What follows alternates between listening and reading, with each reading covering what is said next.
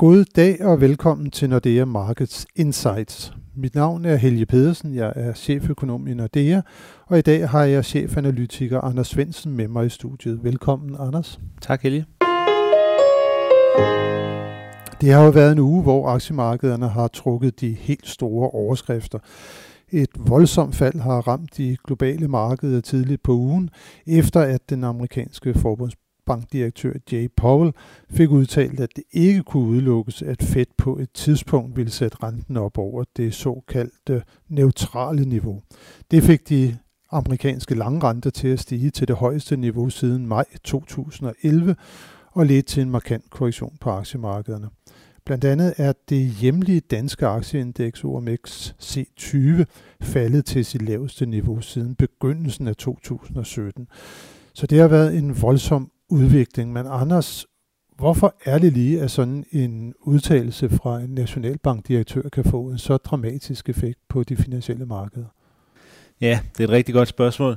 Jeg tror, der er, der er to ting i det. Øh, for det første, så, øh, så fik det jo renterne til at, at stige, som, som du også sagde, og, og rentemarkederne, de, de kigger jo meget på, hvor langt er det fedt skal gå, før de når et eller andet niveau, hvor de stopper med at og, øh, og, og ligesom hjælpe økonomien. Øh, og og hvis, øh, hvis de ligesom mener i, i Fed, at det er, er langt væk, jamen, så skal renterne stige øh, ret markant, og det er selvfølgelig især negativt for, for nogle af de virksomheder, som har meget gæld.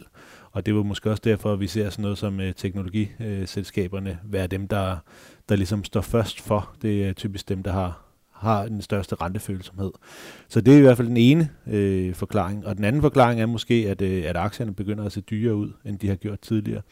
Hvis man kigger på øh, sådan noget med, med, med man, man kigger på sådan noget dividend yield for eksempel på, på aktier, altså hvordan er det lige, at, øh, at de... Øh, indtægter, som, som virksomhederne øh, de øh, forventes at generere i forhold til den pris, man skal betale for, for de fremtidige indtægter, jamen det er jo, det er jo relativt lav, øh, lavt efterhånden i USA, og, og også begyndt at være lavere, kan man sige, end der, hvor de lange amerikanske renter efterhånden er kommet op. Så der begynder at være sådan lidt øh, i, i niveauerne, som, som tilsiger lidt, at investoren måske skal til at have en højere andel af, af obligationer i stedet for Så de går for simpelthen ud af aktier ind i obligationer, fordi at renterne har nået de her højere niveauer. Ja, afkastforventningerne bliver lavere på, på aktier i takt med, at priserne stiger, og, og virksomhederne har meget, meget svært ved at leve op til de høje forventninger, der er om indtjeningsvækst, og samtidig så bliver afkasten jo forventet afkast højere på, på obligationerne, fordi at, øh, at renterne stiger. Så det er noget, der, der ligesom kan forklare i hvert fald, hvorfor det sker i USA. Og så at man kan sidde her hjemme i Danmark og spørge sig selv, jamen hvorfor skal det så ramme os så hårdt? For det der, det er jo noget, der sker over i USA. Hvorfor er det, at de her finansielle markeder på en eller anden måde bare er som forbundne kør. Ja, og så bliver det selvfølgelig væsentligt sværere. Vi har jo på ingen måde set rentestigninger i, i Europa. Der er renterne enormt lave. Og de ting, som jeg sidder og, og snakker om her, er jo heller ikke noget, der skal forklare, at aktierne falder på en dag. Altså, der kom jo ikke noget på lige præcis den dag, som, som skulle være øh, grund til, at, at aktierne øh, falder. Så der, der er det jo bare der, hvor vi kommer lidt til kort og siger, men der, der er jo øh, nogle overvejelser hos, hos investorerne, og så på et tidspunkt, så, så er der, rammer man nogle niveauer, som udløser, at der er nogle andre, der, der begynder at handle. Øh, og det, det må være det samme, som vi ser i, øh, i, i Europa, at, at når det her det sker i USA, mm, så begynder man måske at tænke, okay, er det her ved at være inde på et, en rigtig, rigtig lang periode med, med meget fornuftige øh, aktiemarkeder, og så samtidig, hvis vi går til vores egen lille andedam, så har vi jo haft en hel del selskabsspecifikke nyheder i, i Danmark, som har gjort, at de danske aktier har klaret sig relativt dårligt i år, jamen så har man måske sådan lige øh, lidt lettere ved at, at tage en beslutning, hvor man tager lidt af sin risiko af. Ja, nu så vi jo faktisk også, når vi lige vender blikket mod USA igen, at øh, præsident Trump, han var jo ude og sige, at han synes faktisk, at den amerikanske forbundsbank opfører sig fuldstændig tosset, og han mente slet ikke, at de skulle gå aggressivt til værks på nogen som helst måde. Jeg synes, det er ret uhørt, at vi ser en amerikansk præsident, der begynder at blande sig i, hvordan man fører pengepolitik i USA. Det minder sådan lidt om det, vi så i Tyrkiet for nylig, hvor at præsident Erdogan han var ude og sige, at man skulle faktisk bare bekæmpe den her høje inflation ved at sætte renterne ned hvis jeg lige må, må gå videre med den sammenligning, hvis vi lige går over til, til, til netop Tyrkiet nu her. Altså under hele den her turbulens, der har været på aktiemarkedet i, i løbet af ugen, der, der er jo faktisk gået meget godt i emerging markedsvalutaerne og, og, og også i, i Tyrkiet. Hvorfor er det altså, nu snakker vi jo ellers, at emerging markets, det er noget, der kan komme til at blive ramt hårdt, når de amerikanske renter stiger. Så stiger de amerikanske renter, aktiemarkederne, de opfører sig øh, mildt sagt øh, volatilt. Men emerging markets valutaerne, de ser ud til at klare sig godt. Hvorfor har de klaret sig så godt her i, i de sidste par dage?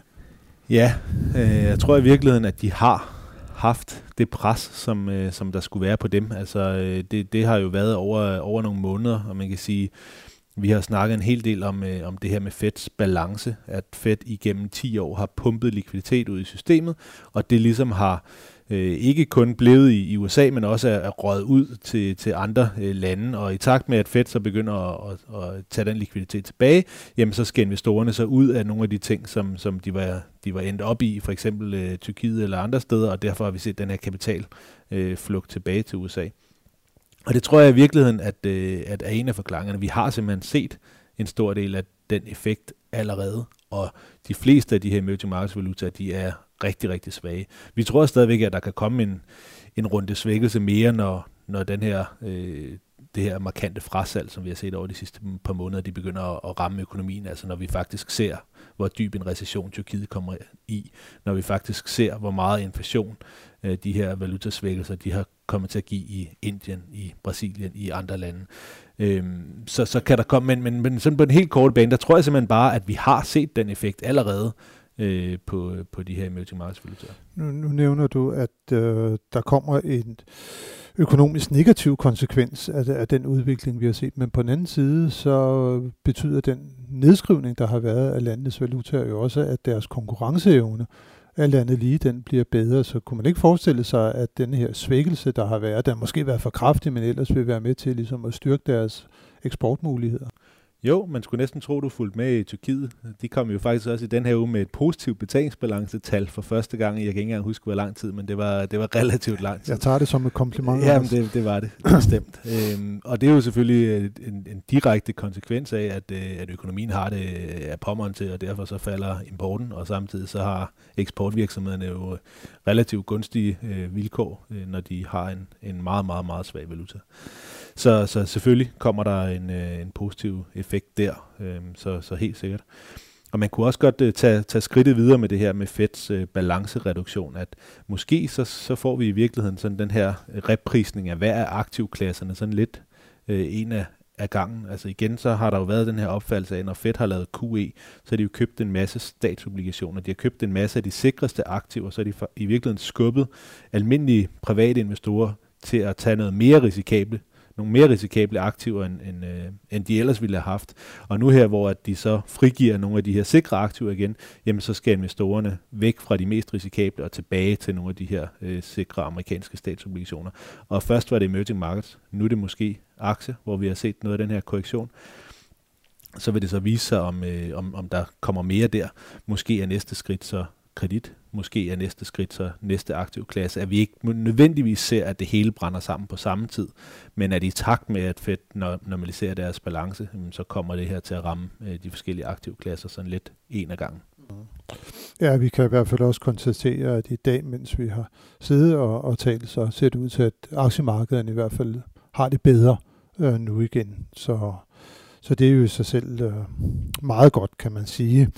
Øh, vi nævnte før, at øh, en af årsagerne til, at, at aktierne korrigerede så kraftigt, det var, at renterne de var steget, og ultimativt så er det jo, fordi inflationen også har været på vej op, altså man får forventninger om, at, at der kommer pengepolitiske stramninger, og så inflation, det er jo sådan virkelig øh, det, der er oppe i tiden blandt økonomer øh, lige her og, og nu.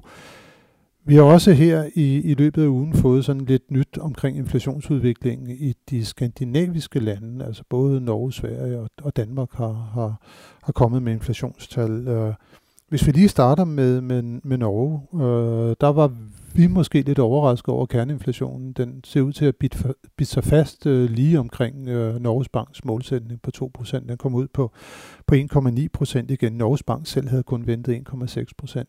Tror du, det får nogen betydning for, for, for pengepolitikken i, i Norge? underliggende set, så, så kommer de nok til at hæve renterne, øh, så længe inflationen øh, ligger i, i omegnen af det her niveau. Men det er klart, at fra, fra måned til måned, når de, når de ser inflationstallene, så er det jo noget, der kan have indflydelse på deres rentebane, altså hvordan de ser sig selv opføre sig fremadrettet. Så det kan sagtens være, at de måske øh, tænker, at okay, så skal vi sætte renten op en lille smule hurtigere. Hvis, øh, hvis kerneinflationen den, øh, den holder sig i nærheden af målsætningen, jamen, så skal vi måske lidt hurtigere tilbage til, til, hvad der kunne være et normalt øh, niveau.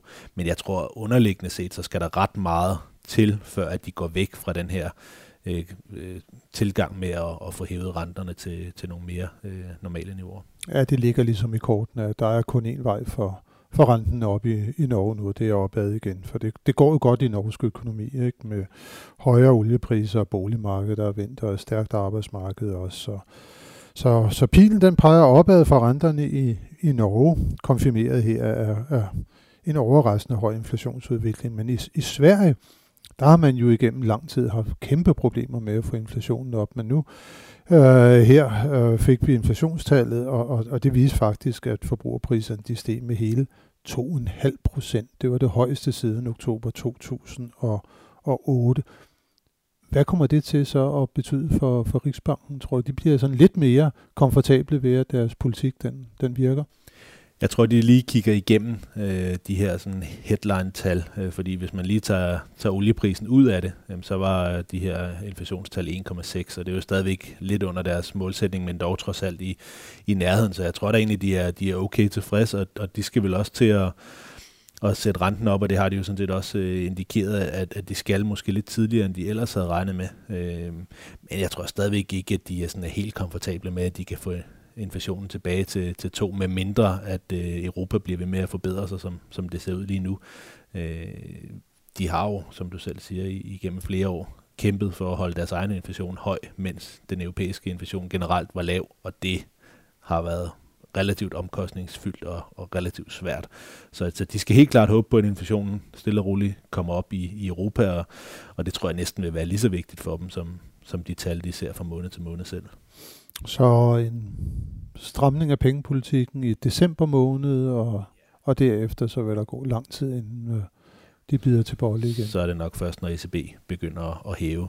Så er noget mere afmålt tempo fra, fra Riksbanken, mens de ligesom afventer den, den helt endelige bekræftelse af, at, øh, at det er tid til at, normalisere sig. De, de er lige et skridt efter Norge. Og så kan vi da også lige nævne, at øh, vi fik jo også øh, øh, inflationstallet for Danmark for september måned, og den viste faktisk, at inflationen kunne stige med 0,6 procent øh, på, på årsbasis. Det var noget mindre end en måned inden, hvor den var på 1 procent, men det var især noget korrektion af, af, af sommerhus udlejningspriserne, som der trak voldsomt ned, så vi forventer altså, at inflationen også i Danmark igen vil begynde sådan at vise øh, lidt mere tænder øh, fremadrettet. Anders, hvis vi lige kigger her på næste uge, det er en uge, der er relativt tynd på nøgletalsfronten, men der er en, en række begivenheder, som vi lige skal holde øje med. Der kommer et referat fra FOMC-møde, altså det møde, hvorpå at, at man besluttede sig for i USA at sætte renten op med yderligere et kvart procentpoint til, til to en kvart procent her i, i september. Hvad, hvad, hvad får vi yderligere detaljer i det her referat? Jamen, der får vi jo hele diskussionen mellem de forskellige øh, medlemmer, øh, og det er jo utrolig interessant, og, og, og man kan jo næsten høre fra vores samtale her, hvor meget markederne de, de reagerer på, på opfattelsen i, i Fed af, hvor, hvor langt renterne skal sættes op, og det er jo den diskussion, de, øh, de sidder med. Nu fik de inflationstal i, i den her uge, som, som var, var relativt øh, fredeligt, så, så der er jo ikke rigtig noget pres for, at de, øh, de skal sætte renten markant op. De skal jo egentlig mest af alt normalisere pengepolitikken, men de ved ikke, hvad normal er, og det er den diskussion, de har, og det er det, der bliver vildt interessant fra, fra måned til måned at, at følge med i.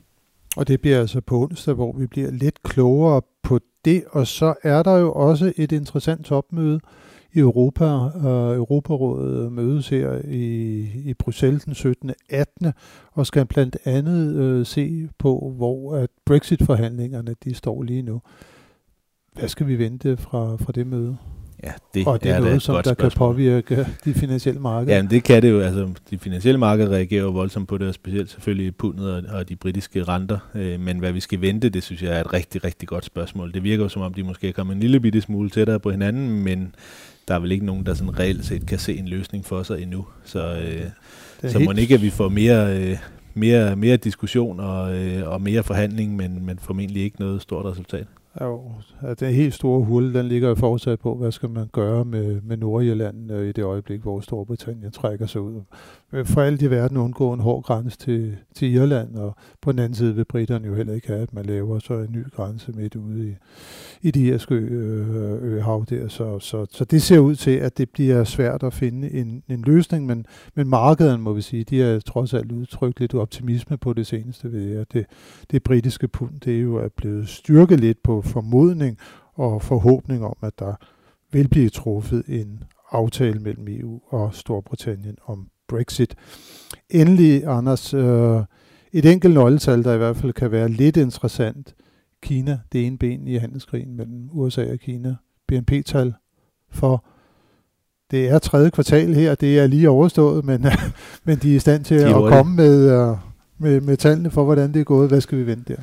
Ja, men vi kommer til at ligge i nærheden af den her trend på de 6,5, som jo er det, der, der ultimativt øh, kræves for, at øh, Xi Jinping han lykkes med sit øh, ultimative mål med at fordoble velstanden på de 10 år fra 2010 til 2020. Øh, så det bliver i, i, det, øh, i det leje.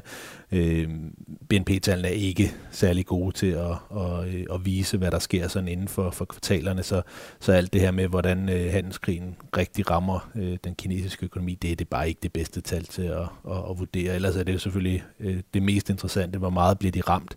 IMF var ude at sige øh, 0,8 procent, så vidt jeg øh, husker, på, øh, på den kinesiske vækst, ikke? og det er, det er jo alligevel rimelig voldsomt. Men på den anden side har de så nogle, nogle værktøjer, som, som gør, at de kan modstå en stor del af den, af den svækkelse. På den anden side, så har de jo så brugt de sidste mange år på at, Øh, at, reducere risikoen generelt i, øh, i deres finansielle system på, på boligmarkedet i så videre, så er de villige til at, at, at ofre det for at holde, holde liv i økonomien, eller hvor, hvor er det ligesom, de vælger at lægge balancen. Det bliver jo det, det interessante at se over de næste par år. Det bliver det i hvert fald, Anders, øh, og vi ser også frem til, hvad, hvad det er, at næste uge rent faktisk kommer til at byde os af nyheder og udviklinger på de finansielle markeder. Men tak for nu, øh, Anders, og tak til alle jer, som har lyttet med til denne uges podcast. Det håber vi også, at I gør i næste uge, hvor vi er tilbage med friske analyser og vurderinger af de finansielle markeder. Tak, Jan.